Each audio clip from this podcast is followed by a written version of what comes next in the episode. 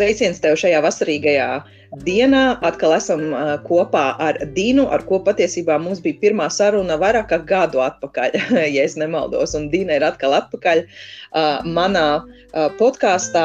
Paldies viņai par to, ka viņa piekrita dalīties ar savu personīgo pieredzi. Un šīs dienas tēma mūsu podkāstā ir par nelūgtajiem padomiem. Uh, Dinu tūlīt iesaistīsim sarunā un jautāsim viņai, kā viņai ar šo tēmu un šo, šīm situācijām dzīvē ir gājis, vai vēl joprojām iet. Mm, bet pirms tam es mazliet gribu um, pajautāt jums, klausītājiem, un uzvedināt jūs uz domu par to, kas ir projekcija un empātija. Jeb kā viņas pretstatā viena otrai darbojās. Un kāpēc uh, mums ir tā, ka mēs neciešam nelūgtus padomus? Kāpēc tas mūs uh, triggero? Nu, lūk, un ja mēs runājam par projekciju un empātiju, mm, kāda tad ir starpība starp šīm divām lietām? Um, manuprāt, uh, bieži vien, ja ne simtprocentīgi, nu, varbūt neteiksim simts, bet 99, uh, cilvēki paši zina, ko darīt. Viņi iespējams nezina, kā to izdarīt, bet tās atbildes ir lielākoties viņos pašos, pēc tādas intuīcijas, um, nu, tāds, um, tāds kompass, kas viņiem iekšēji strādā. Un visbiežāk mēs paši gribam, lai mūs vienkārši uzklausa, pieņem un saprot, nevis dod šos nelūgtos padomus. Un mēs negribam šos padomus. Un empātija ir tā spēja iejusties cita ādā. Empātija ir kā tāda nu, emocionālā dāvana, lai katrs varētu sajustu, sajusties, ka viņš var būt tāds, kāds viņš ir, autentisks, ka viņš netiek pārtaisīts Uh, ja pārmācīts, kādam viņam vajadzētu būt. Bet projekcija attiecīgi ir, tā, ir pilnīgi pretēji. Projekcija ir tā, um, kad mēs kādam sakam, kā viņam būtu jājūtās, vai kā viņam būtu jārēģē, vai kā viņam būtu jāuzvedās, vai viņam, kas viņam būtu jāgrib, piemēram. Un projekcija nekad nav par to otru cilvēku, bet tas ir par mums patiesībā. Un tad jautājums paliek, kāda tad ir tā motivācija aiz šīs projekcijas, kāpēc mēs to darām?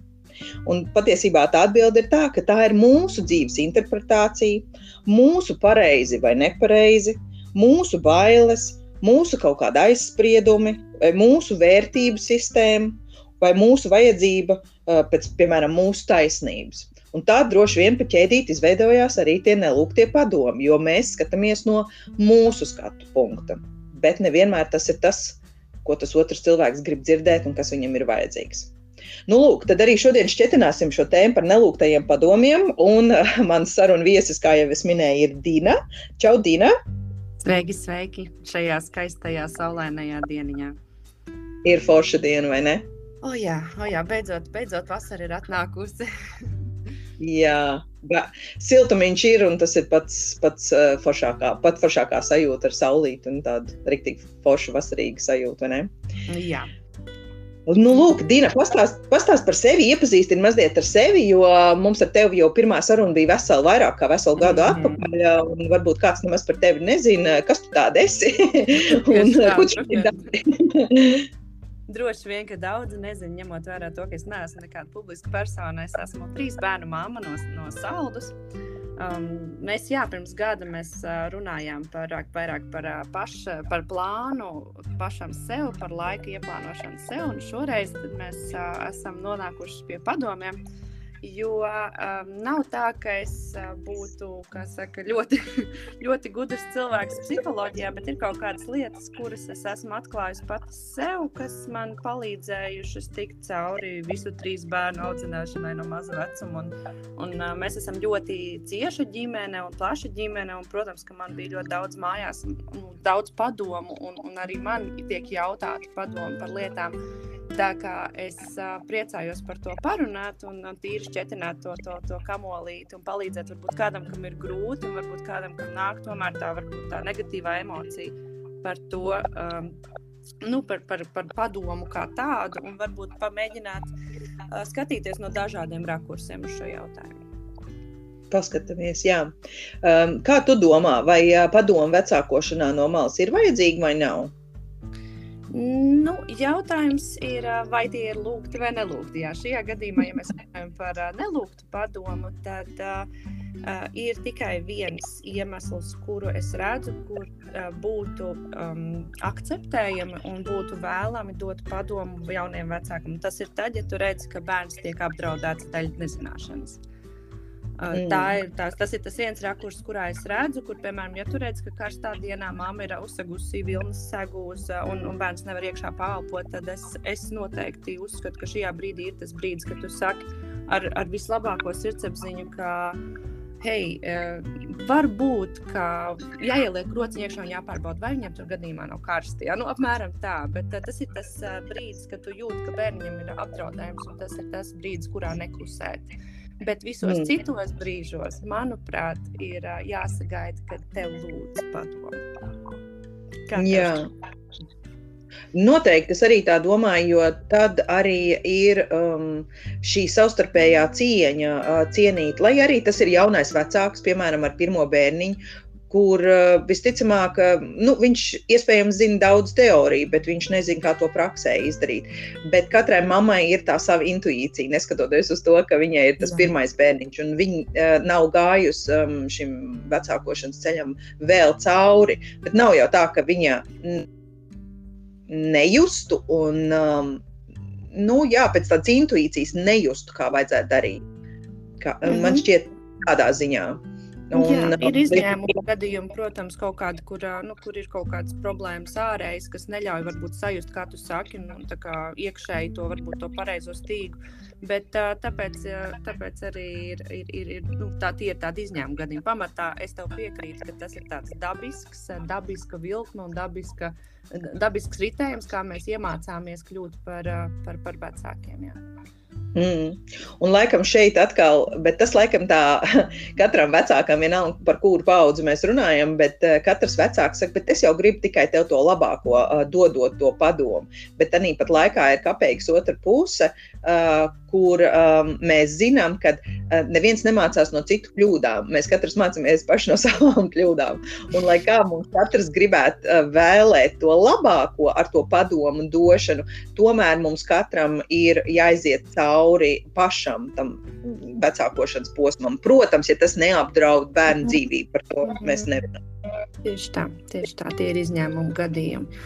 Arī domāju par to šajā aspektā, kāpēc man bieži varbūt uzdod, nu, vispār ne tikai vecākošanā, bet man ir, nu, kā saka, ģimenē ir, ir, ir cilvēki, kas man ir jautājuši padomu dažādās jomās. Es domāju, kāpēc tas tā ir un kāpēc vispār kādam šķistu, ka es esmu labs padomdevējs. Un tas tāds arī aspekts, kur es iedomājos pie sevis.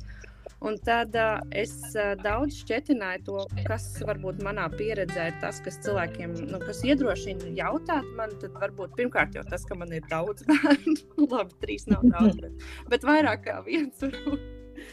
Un, uh, un otra lieta ir tā, laikam, kā mēs esam, nu, kā mēs esam gājuši cauri, kam mēs esam gājuši cauri, nu, piemēram, neauglības diagnoze, kas ir viena lieta, es domāju. Tad, uh, tad, piemēram, Olveda caurlaidības operācija. Tas ir, tās ir tādas lietas, laikam, kur, nu, kur tā, tā rodas eh, darot, un es eh, arī klausoties iepriekšējos podkāstos, domāju par to pieredzi.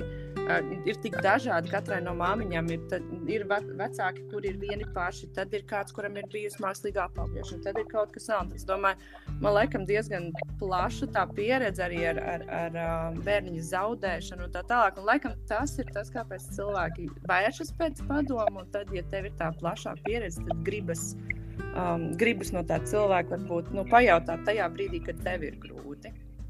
Mm. Kā tev šķiet, kāpēc, kāpēc jautā konkrēti kādam padomu un citam nē? Es domāju, nostrādā arī ļoti liels faktors, uzticības faktors un, um, un vienkārši. Um, Varbūt, varbūt nu, tas ļoti atkarīgs droši vien individuāli, bet varbūt viņš pat negrib, tas cilvēks negrib sagaidīt kaut kādu risinājumu no tevis, bet viņš grib uh, tikai būt saprasts, ka viņš arī iet cauri uh, šai mm -hmm. situācijai ļoti līdzīgai. Un ka viņš nav viens. Jo bieži vien ir tā, it īpaši man šķiet tādā vecākošanas aspektā, ir sajūta, ka es esmu viens vai viena ar šādu veidu problēmām, ka visiem viss ir forši un saulaini. Uh, bet tā nav. Vienkārši kāds varbūt um, vairāk uh, uz āru to izstāsta un liek par to zināt, un cits ļoti privāts un patur to pie sevis. Un tad ir sajūta, ka varbūt. Uh, nu jā, visiem viss labi, un man te visādas uh, likstas. Bet tad, kad ir šī iespēja mm, parunāt, apmainīties ar sajūtām un emocijām, Citreiz saņemot padomu, citreiz nē, citreiz varbūt nemaz tā nav īstā vajadzība. Uh, bet tieši, kad ir šis emocionālais atbalsts un kad, kad ir tā sajūta, ka man, jā, es saprotu, ka es neesmu viens un es tikšu tam cauri. Jā, jā, droši vien tas ir tas faktors, kurā, kurā nebūt vienam. Un, un mēs jau esam vispār sociāls būtnes, kas saka, mums ir nepieciešama komunikācija un nepieciešama sapratne. Ja mēs to varbūt nedabūnam, vai nevaram sa sa saņemt kaut kādā konkrētā vietā, tad varbūt um, ir tas viens uh, vai vairāki cilvēki, kuriem tu vari piezvanīt un pateikt, hei, man ir uh, tā un tā. Un, un varbūt tiešām viņam nevajag padomu, viņam vajag vienkārši uzklausīšanu. Un tas ir tas, um, ko mēs varam, nu, kā cilvēki, kuriem jautā padomu, tas ir īstenībā tā ir liela dāvana un liela uzticēšanās, ka tev piezvan tāpat vien. Man šķiet, ka mūsdienās vispār tā tāda reta parādība. Jā, jā, es to piekrītu. Mm, bet, eh, ja mēs turpinām tālāk par tiem padomiem, eh, tu kaut kādā mērā jau atbildēji šo jautājumu, bet varbūt mazliet dziļāk pārējām. Kurā brīdī, piemēram, padomi pārvēršas par es zinu labāk, kā darīt? Un tas vairs nav nu, tāds veselīgs atbalsts, bet uh, reāli tāds kritizējošs, nu, tāda kri kritizējoša un nosodoša um, attieksme.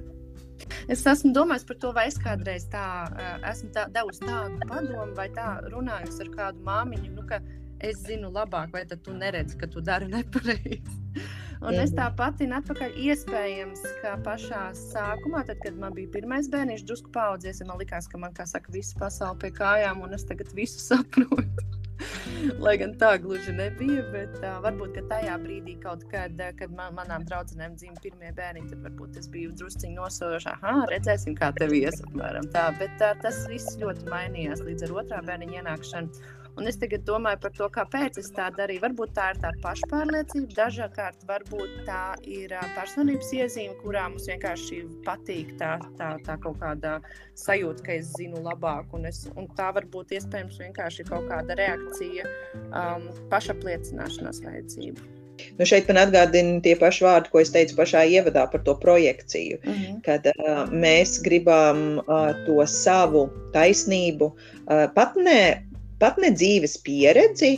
Um, nu, es negribētu lietot vārdu uzspiest, bet um, nu, projicēt, tiešām projicēt uz to mhm. cilvēku. Bet mēs gribam, ka mūsu tā taisnība ir tas tā tāds galavārds. Sāls nav tajā, ka tev nav taisnība, tev visticamāk ir taisnība. Uh, sāls ir tajā, ka tas otrs cilvēks nu, negrib mērīties vai sajusties mazvērtīgāks par to, par to tavu par to otrā cilvēka pieredzi. Līdz ar to viņš tikai vēlās atbalstu. Jā. Viņš negrib dzirdēt tā otra cilvēka uh, 20 gadus lielāku pieredzi. Jā, iespējams, ka viņi tev ir un iespējams, ka tu zini vairāk, bet tajā brīdī es to negribu dzirdēt, un, un visticamāk, man tas nav vajadzīgs. Jā, nu tā negribēšana dzirdēt, tā arī, tas arī ir aspekts, jo es arī daudz norobežojos no tā, ko man varbūt kaut kādiem labiem ieteikumiem, kurus man teica. Bet tur ir tāds, nu, es gribu atgriezties pie tava, tav, tavas frāzes, pie iekšējais kompas, kurā tu tā, ka vai nu tu sadzirdi, vai nu tu ieslēdz savu aizsargu reakciju un nesadzirdi varbūt to labo padomu kādreiz dēļ tā, ka tu esi varbūt um, nu, aizsargā, aizsargā sevi no tā padomu vai vispār no no padož, padomdevēja kā tāda, varbūt tā personība tev nerezonē īsti. Un tad ir tas brīdis, kad varbūt tu palaidi garām, vai arī pēc kāda laika saproti, hei, jā, nu jā, bija taisnība. Jā. yeah. Tā arī yeah. ir. Un es piekrītu, ka tajā ziņā, ka mēs uh, ar to savu agresiju kādreiz varbūt, uh, nu, aizgriežam, aizgriežam vajag no tā, kur mēs varbūt vajadzēja saskatīt, jā, ka bija taisnība tur. Jā, Tas ir jā. darbs ar sevi iekšā. Jo nu, tā reakcija arī ir nu, arī kaut kāda saka, īsceļš mūsu smadzenēs, kur mēs šausmīgi sargājamies un mums nepatīk, ka mums kāds pasaka priekšā. Jā, jā, pilnīgi piekrītu. Es arī um, ieliku um, storijā um, profilā, kā šī padomu došana liek mums justies. Un vairākas mammas um, tātad uh, minēja arī šādus vārdus - dusmas, pretestība. Uh, viena mamma teica, ja pārmetoši mani māca, tad sūtu zilās tālēs. un, uh, un cita mamma rakstīja, izstrādājās aizsarga reakcija. Nu, tieši tas, ko tu tikko teici. Mm -hmm. Tā kā, jā, man šķiet, ir tāda ļoti smalka līnija, um, nu, um, kur ir uh, padoms kā atbalsts un kur ir padoms kā norādījums. Jā, man šķiet, jā. tas ir jāmāk izjust. Bet kā tev pašai ir bijis um, ar trīs bērniem? Um, vai tev ir bijuši ļoti daudz šie nelūgtie padomi? Un kā tu esi tikus ar tiem galā?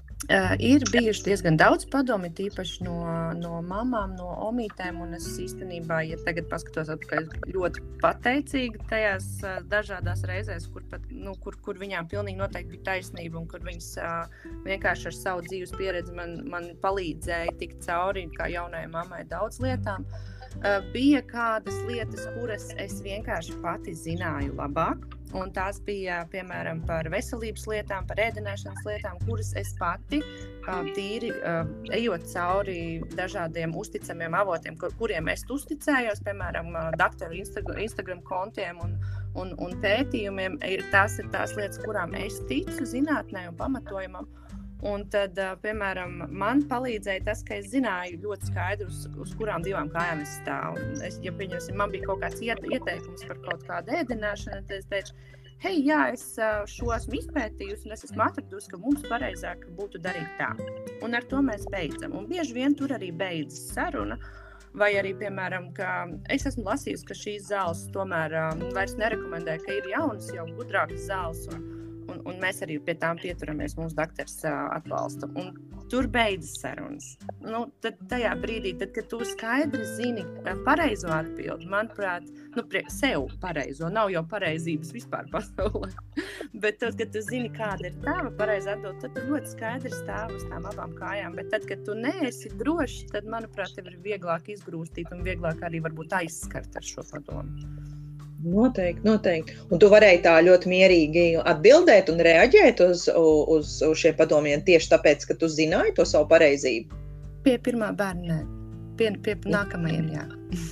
Tajā mhm. brīdī, kad man bija pirmais bērns, es vispār nebiju gatavojusies nekām. Es nezināju, kā tas būs, kad viņš slimos, kā tas būs, kad viņam būs jāveic, jāveic piebarojums, kā tas būs, kad man neizdosies pabarot viņu ar krūti pietiekami ilgi, kā tas būs, kad būs tāds padoms, šāds padoms.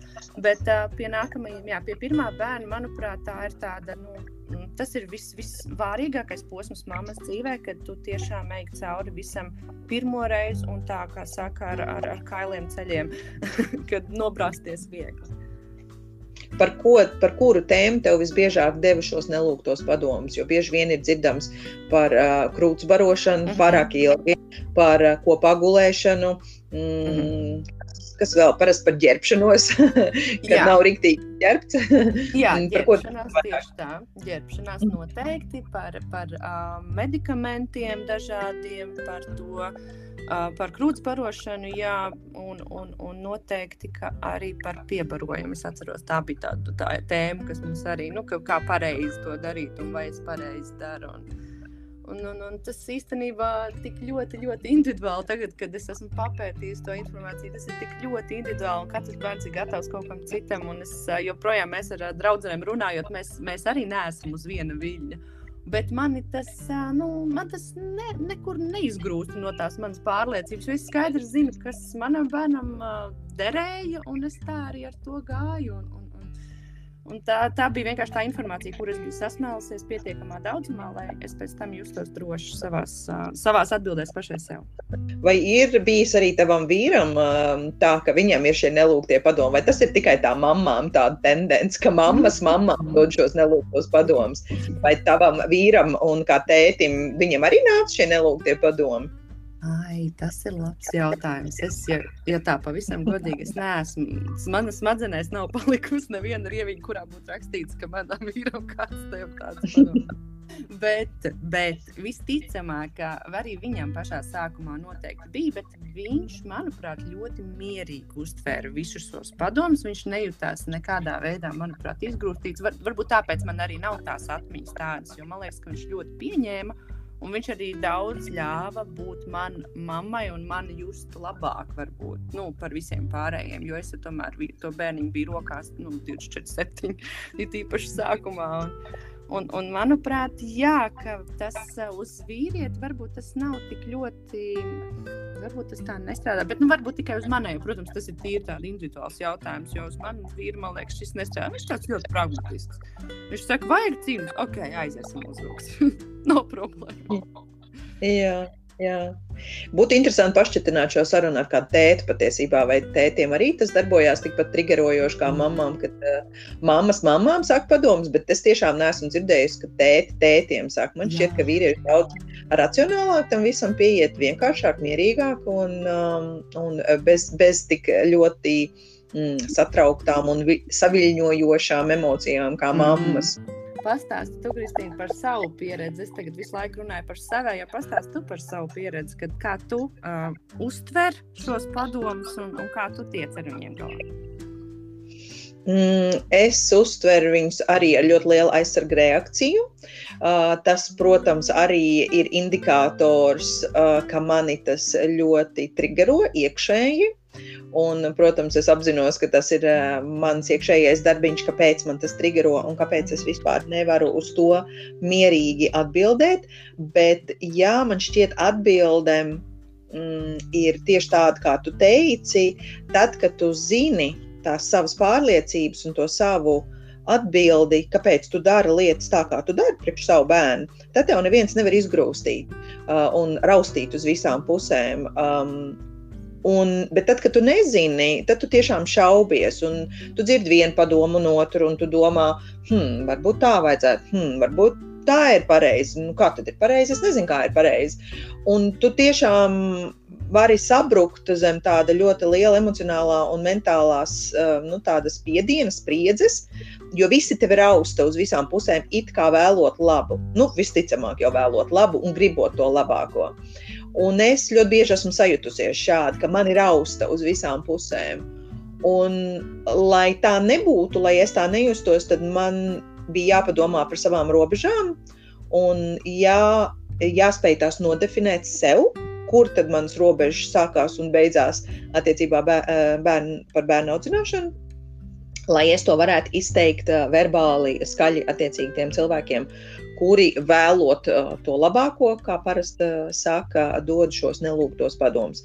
Ir ļoti grūti uh, verbalizēt un izteikt to. Um, nu, es pat neteiktu, neapmierinātība. Jā, tā ir neapmierinātība kaut kādā mērā, bet uh, nu, spēt pastāvēt par to, par sevi un par savu bērnu un par savām izvēlēm. Um, mm. Man tas nav nācies, nācis viegli. Uh, es to vēl joprojām mācos. Uh, bet es sapratu, ka tas ir vienīgais ceļš, kā izdarīt uh, to, lai es nejustos tā, ka man rausta uz visām pusēm. Um, jo tik tiešām nu, es esmu tā, kas esmu ar savu bērnu 24, 7 visu laiku, mm -hmm. no pirmdienas līdz svētdienai, un nākošā nedēļa sākās tādā pašā riņķī. Um, un, Es esmu ar viņu, kad viņš ir slims, vai viņa. Es esmu ar, ar viņiem abiem, tad, kad ir sestdienas vēdiena. Nu, es viņus zinu, kā saka, inside out. uh -huh. Un līdz ar to. Līdz ar to jā, man ir jāskatās pēc, gan pēc bērna rakstura, gan temperamenta, gan viņu vajadzībām, kas viņiem der un kas viņiem neder. Nu, man personīgi ļoti grūti nākt uh, nākās pieņemt šos padomus, bet arī ļoti atkarīgs, kas to saka, kādā kontekstā tas tiek pateikts, par ko tas tiek pateikts, un varbūt arī pat cik bieži un cik daudz tas tiek teikts. arī varbūt tā. Jā. Ļoti dažādi tie faktori, kas spēlē tajā brīdī. Iespējams, ka tu esi nogurusi un tu jau 17. reizi lūdz bērnam uzvilkt sandalītes. Un tad atnāk cilvēks un saka, hei, kāpēc viņam neuzvilkt sandalītes? Viņam taču vajag uzvilkt Tajā brīdī tev vienkārši nu, tā, ka nu, nolaiž rokas un gribas pateikt, nu, varbūt nāc tu uzvelc viņam to sandali. Jā, jā. Tas ir tas brīdis, jā, tas brīdis, kurā varbūt uh, tu esi uz pēdējā matiņa turies, un tad tev vēl kāds grib padot, padot padomu no labas sirds, un tu vienkārši nespēji to pieņemt, jo tu neesi tajā brīdī tādā, tādā mentālajā stāvoklī. Tieši tā, un tev nav šie emocionālie resursi, mentālie un emocionālie arī tikpat labi, um, lai, tu, lai tas tev netrigerētu. Iespējams, um, ka tad, kad mamma būs atpūtusies, es vēl neesmu bijusi tādā stadijā, kad es esmu pilnībā atpūtusies un ka mani nekas netrigerētu. Man vienmēr kāds kaut kur par kaut ko trigerē. Uh, un līdz ar to tas ir arī tāds sarkanais karodziņš man, par ko man ir jāpadomā. Mm kāpēc tas man triggerē. Um, varbūt ar gadiem ejot, um, nu, un atskatoties atpakaļ, es varēšu par to pasmaidīt um, un saprast uh, šīs lietas citādāk, bet šajā dzīves posmā es to saprotu šādi. Mhm. Um, es domāju, tas tikai nāk ar pieredzi. Droši vien, ka, jā, ka tas nāk ar pieredzi un tas nāk ar kaut kādu personības izaugsmu, kur nu, šobrīd aktīvi arī tev notiek. Tu ļoti daudz iegūst, manuprāt, arī no, no, šī, no šīm sarunām. Un, un tajā brīdī, kad tu sāc augt, un tajā brīdī arī kaut kas sāk mainīties. Kamēr tu esi tajā pašā vietā, es domāju, mēs jau tā kā kā, kā cilvēki, mēs esam kā, nu, we are designed to change. Mēs esam kā, veidoti tā, lai mainītos, lai izaugtu, lai, lai varbūt investētu sevi un izaugtu par, par, par citādākiem, varbūt kādiem mēs gribētu. Jā, varbūt arī tagad tu man uzvedināji uz tādu citu domu mazliet par tām pārmaiņām. Varbūt arī šie padomi, um, nu, es nezinu, vai vārds adekvāts būtu adekvāts šobrīd to lietot, bet um, nu, tādi konstruktīvi, varbūt tie, tie padomi, kas tiek izteikti, lai kādi nu viņi būtu, iespējams ir mazliet iestagnējuši vai, um, nu, laikam ejot, tik tiešām daudz kas ir mainījies, un varbūt tas faktors, ka no šo padomdevēju puses šie padomi neiet laikam līdzi, varbūt arī tas triggero visbiežāk, ka um, tie padomi ir saistīti ar uh, nu, dziļāku pagātni, kas it kā mm -hmm. nu, mums vairs nav, neatiecās uz šī brīža tagadni. Līdz ar to viņi, viņi nestrādā vairāk šajā, šajā dzīves posmā. Un ir grūti, tu, tu iespējams, kā jaunais vecāks, vēlies mainīties un mainīt lietas, un, un attiecīgi ar jaunu, ar jaunu informācijas klāstu tu vēlies darīt lietas citādāk, bet šie padomi vēl joprojām ir nu, tādi mazliet ierūsējuši. Un, uh, attiecīgi, viņi nesakrīt ar tavu skatījumu. Un tad arī uh, visticamāk tu izjūti tādu triggerējošu nu, tādu sajūtu. Jā, šai vietā es gribētu atgriezties pie, pašas, pie tā paša stāsta par to, ka, ja tu zini, ka tas ir novecojis un ka tas vairs nav aktuāli, tad tev ir jāzina, kas ir nācis vietā un kāpēc mēs darām savādāk. Un tajā brīdī tu arī vari nu, diskutēt par šo padomu. Tajā brīdī tev ir ko likt pretim. Pieņemsim, ja agrāk četrgadīgam bērniņam deva sālītu speķa, speķa maizīti vai, vai, vai, vai ādiņu, ja, kā, kā vecmāmiņas kādreiz uh, tad tev ir jāzina, hei, nu, šobrīd vienkārši ir pierādīts, ka sāls tik daudz nav vajadzīgs. Viņš ir dikti sāļš un viņš var, nu, vienkārši, nu, tev jāzina, ka, ka tas nav, ka tas nedara vienkārši, un par to parunāt. Bet uh, tad, tur tā, tā, tā, tā ir tā vieta, kur uh, to triggeru izveidot. Uh, sev labvēlīgi un, un uzturēt tās attiecības, tomēr nu, saka, komunicējošas, nevis tikai ak, ak, nu, kaut kāda reakcija uz kaut ko tādu negatīvu. Jā, jo bieži vien, um, vai lielākoties uh, gadījumu, mēs uh, nevis spējam atbildēt um, uz šo nelūgto padomu, lai cik tas mūs triggerētu, un viņš nav vēlams, un mēs to negribam mhm. dzirdēt. Bet mēs visbiežāk reaģējam, un mēs reaģējam ar šīm dusmām, mēs reaģējam ar aizsargu kaut kādu reakciju. Um, un tas ir tas sarkanais zvaniņš, jeb karodziņš pašos mūsos, nu, kāpēc tas mūs triggerē, kāpēc mēs nespējam par to diskutēt kāpēc mēs nevaram. Um, mums nav jāpieņem šis padoms, bet kāpēc mums ir arī grūti uzklausīt. Jā, re, kur arī pieņemsim vienu stratēģiju, kur var pajautāt, ka, nu, no kurienes nu, tas padoms nāk. Pajautāt mhm. pretī, nu, nu, kāpēc, kāpēc mēs tā darījām. Ja tas ir vienīgais pamatojums, ir, ka man visi tā ir darījuši vienmēr, un tā tas vienmēr ir bijis, tad tas nav īsti pamatojums.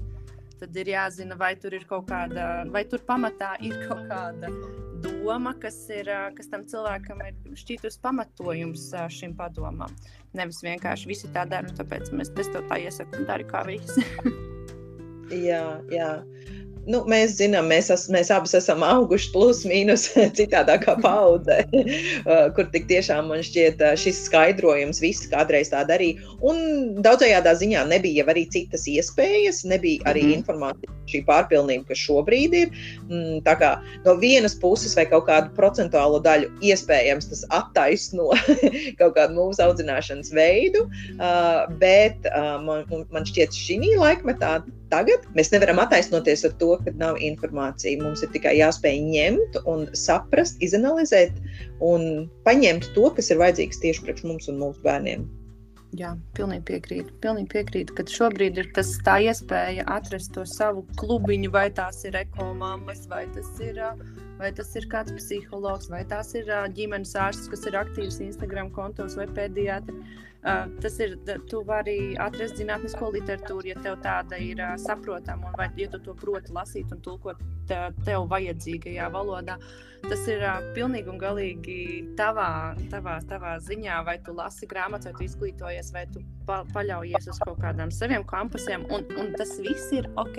Pat ja tu paļaujies uz saviem kompasiem, vai tu paļaujies uz vecu informāciju, vai uz tādu, kas tiešām gadu, gadu desmitiem un, un kuru mamma un tētis iesaka tas viss ir ok. Tikai tad, ja tas dara tev. Tieši tā. Tieši tā. Kā tev šķiet, vai, piemēram, nelūgtie padomi ir saistīti ar pasīvās agresīv, agresivitātes uzvedību? Vai tur ir kaut kāds moments, kripatiņš no tā? Nu, lūk, šeit es neprotu atbildēt, jo es uh, nezinu, tādā ziņā es tiešām nezinu par pasīvu agresiju neko daudz. Es uh, zinu tikai to, ka man liekas, nu, tik daudz, cik man, manā izpratnē um, tas uh, nav pasīvi. Ja tu kādam saki kaut ko nejauku, man liekas, ka tas ir aktīvi. aktīvi. man liekas, ka tā ir aktīva agresija, ja tu kādu gribi speciāli aizvainot vai speciāli viņam iebāzt, kā saka, pirkstu, pirkstiņu pabāzt un parādīt, hei, tu dari šitā nepareizi, paskaties, kā tu dari tagad nepareizi. Man liekas, ka tas tā ļoti, ļoti izteikta agresija. Uh, ja kāds grib izdarīt otram pāri, tad to var izdarīt ļoti dažādi, un, un viens no veidiem ir iedot šādus padomus, kas, uh, kas aizvaino otru cilvēku. Ja tu to skaidri zini, ka tu dari, ne, nu, dari tam cilvēkam nepatīkami. Un, vai tev ir kāds padoms jaunajām māmiņām, iespējams, kuriem, kurām ir uh, pirmais bērniņš, piemēram, nu, kā nesabrukt zem tā mentālā un psiholoģiskā spiediena, nu, kas ir saistīts ar šiem nelūgtajiem padomiem? Um, nu, lai, lai, lai tev nebūtu tā sajūta, ka tev raust uz visām pusēm. Ko, ko darīt, kā rīkoties? Jo tas ir saistīts arī ar, ar robežu jautājumu, kā novilkt šīs robežas um, priekš sevīm. Ko tu, varbūt, var, vai tu vari atskatīties atpakaļ, ko tu darīji, vēl vienreiz tādu kopsavilkumu uztaisam, un tagad, skatoties atpakaļ, ko tu darītu citādāk? Uh -huh. uh, noteikti lasīt, me meklēt informāciju un izglītoties. Pilnīgi noteikti. Iet uz visiem kursiem, iespējamiem, un paņemt no tiem to, ko tev vajag. Jo es zinu, ka arī dzemdību sagatavošanās kursi ir ļoti dažādi. Es esmu dzirdējusi par karmiskajām saitītēm un tādām lietām, kas, piemēram, es nekad nevarētu sev paņemt kaut ko tādu, jo es neticu visam pārdabiskajam, un man ar to būtu problēmas. Uh, Un uh, tad tajā pašā laikā, piemēram, es atceros, Lietpā gāju uz uh, dzemdību elpošanas kursiem, kas man bija vienkārši tā kā punktiņš uz zīme, un tā bija tehniska lieta, es gribēju iemācīties. Bet bieži vien mēs uh, aprobežojamies ar to lielo notikumu, ar tām dzemdībām, pirms bērniņš ienāk mūsu ģimenē. Un es domāju, ka tas ir, ir laiks uh, saprast to, ka tas ir tikai sākums. Un uh, tik, tik līdz bērniņš ir uh, tavās rokās. Un, Un man bija ļoti, ļoti interesanta pieredze. Es izstāstīju šo pieredzi, lai plašāk tā aiziet. Bet, uh, mēs esam runājuši savā starpā gan ar draugiem, gan ar ģimeni, ka tā ir ļoti reāla pieredze, kas, uh, kas patiesībā ataino to, kas notiek pēc bērna piedzimšanas. Kad es gaidīju savu trešo bērniņu, mēs bijām slimnīcā, jo viņš drusku, nu, meitene bišķi paskrēja ātrāk, 36 nedēļās piedzima. Un, uh, mēs bijām palātā, un es gatavojos savām dzemdībām. Tur nekas labi negāja, bet tas nekas. Un brauca garām tikko dzemdējusi māmiņa. Un, un tas stāsts bija par to, ka uh, vecmāte viņai jautāja, nu, kā tu jūties. Es neteikšu to vārdu, meitenes vārdu, jo tas var kaut kā nepareizi izklausīties. Bet um, viņa saka, nu, ka viņa jūtas ļoti nogurusi un nespējīga un nespēcīga. Un, un, un viņa teica, mīļo meitiņa, tava bērnība ir beigusies. Tagad ir jāiet, būs tev jāiet, jāpārtina mazulis, jā, jāpavaro mazulis, jāuķina mazulis. Tava bērnība ir beigusies. Un tas, tas ir tik ļoti, ļoti Um, varbūt šeit varbūt pat liekas tā agresīva pēc dzemdībām, tu tikko zini, kā tāds vārks un tā, bet tajā pašā laikā mēs runājam, cik ļoti viedi vārdi no vecmātes. Ka, jā, tajā brīdī, kad, kad bērns piedzimst, tad jau sākas tā īstā darbība. Un tāpēc es arī saku, ka ir jāgatavojas tam, kas notiks pēc tam. Jāgatavojas, jāzina, jāizglīto sevi un jāatrod tā, tā, tā informācijas avoti, kur tu meklēsi informāciju, ja tev tā būs nepieciešama. Es domāju, ka tas ir tas, kā tu vari sevi sagatavot, un arī pret visu, kas uh, nāks kā padoms. Jo tad, kad tavs padoms nāks, tu jau zināsi sev atbildes uh, iekšā, un tu varēsi salīdzināt to savu iekšējo kompasu ar to, kas nāk no ārpuses. Protams, psiholoģisks spiediens ir it īpaši pēc pirmā bērniņa piedzimšanas, un ar to ir jārēķinās un sevi arī jāsagatavo.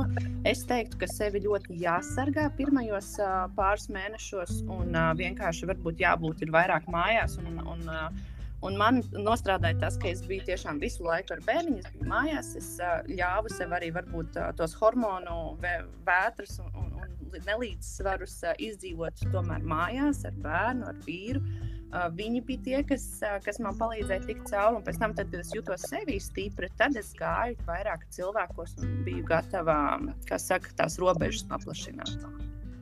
Mm -hmm. Bet tev nebija tā, ka um, esat dzirdējusi arī tādu nu, atsauksmi vai tādu rezumē, ka uh, forši ir iet uz visādiem kursiem pirms tam, bet uh, paiet kaut kāds laiciņš līdz tām dzemdībām vēl, un tad piedzimst tas bērniņš, un tu jau esi pusi aizmirsis, ja, ja ne visu, ko tu tur mācījies, un ir sajūta, ka Um, kas man ir jādara tagad? Es nezinu, kas man ir jādara. Es neatceros, kas tur bija tajos kursos. Uh, nu, kaut ko jau tu atceries, bet liela daļa jau ir aizmirsusies. Tev nebija tā? Es daudz ko pierakstīju. Man tas bija ļoti vērtīgi. Es rakstīju, tiešām ņēmu bloknotu, rakstīju sev kaut kādas atziņas, un pēc tam pie tām atgriezos. Bet uh, bieži vien uh, es, es saprotu arī tās mammas, kuras neko neatceras. Un, un, un tajā pašā laikā, tad, kad tev uh, Tas ir tāpat kā tev mācīja teoriju autoskolā, un pēc tam tu piesēdies pie stūra un saproti, ka tu neko neatceries un vispār nav interesanti. Tāpēc, ka tas stress un tas, tas izmainītais, tā izmainītā vieta, kur tu esi. Un uh, tā situācija tev pilnīgi liek izdzēst no smadzenēm, pilnīgi viss, kas bija.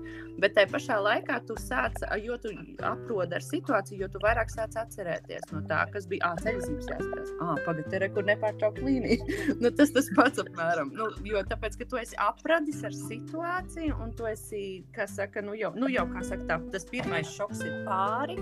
Un tad tajā brīdī tu sāc varbūt arī kaut kādā veidā um, atcerēties to teoriju. Bet, nu, jebkurā gadījumā uh, tā ir tāda varbūt arī nepieciešamība tīri sevi, sevi, sevi ielikt vienkārši tādā nu, tā kā mazā seminārā un tīri tik daudz, cik iet uz šiem kursiem un, un sagatavoties uh, psiholoģiski, jo tu satiec uh, mediķus bieži vien, un tu satiec cilvēkus, kam tu vari pajautāt varbūt kādu jautājumu, kas tev ir ritīgi sakrājies, un tajā brīdī tu to vari izlikt.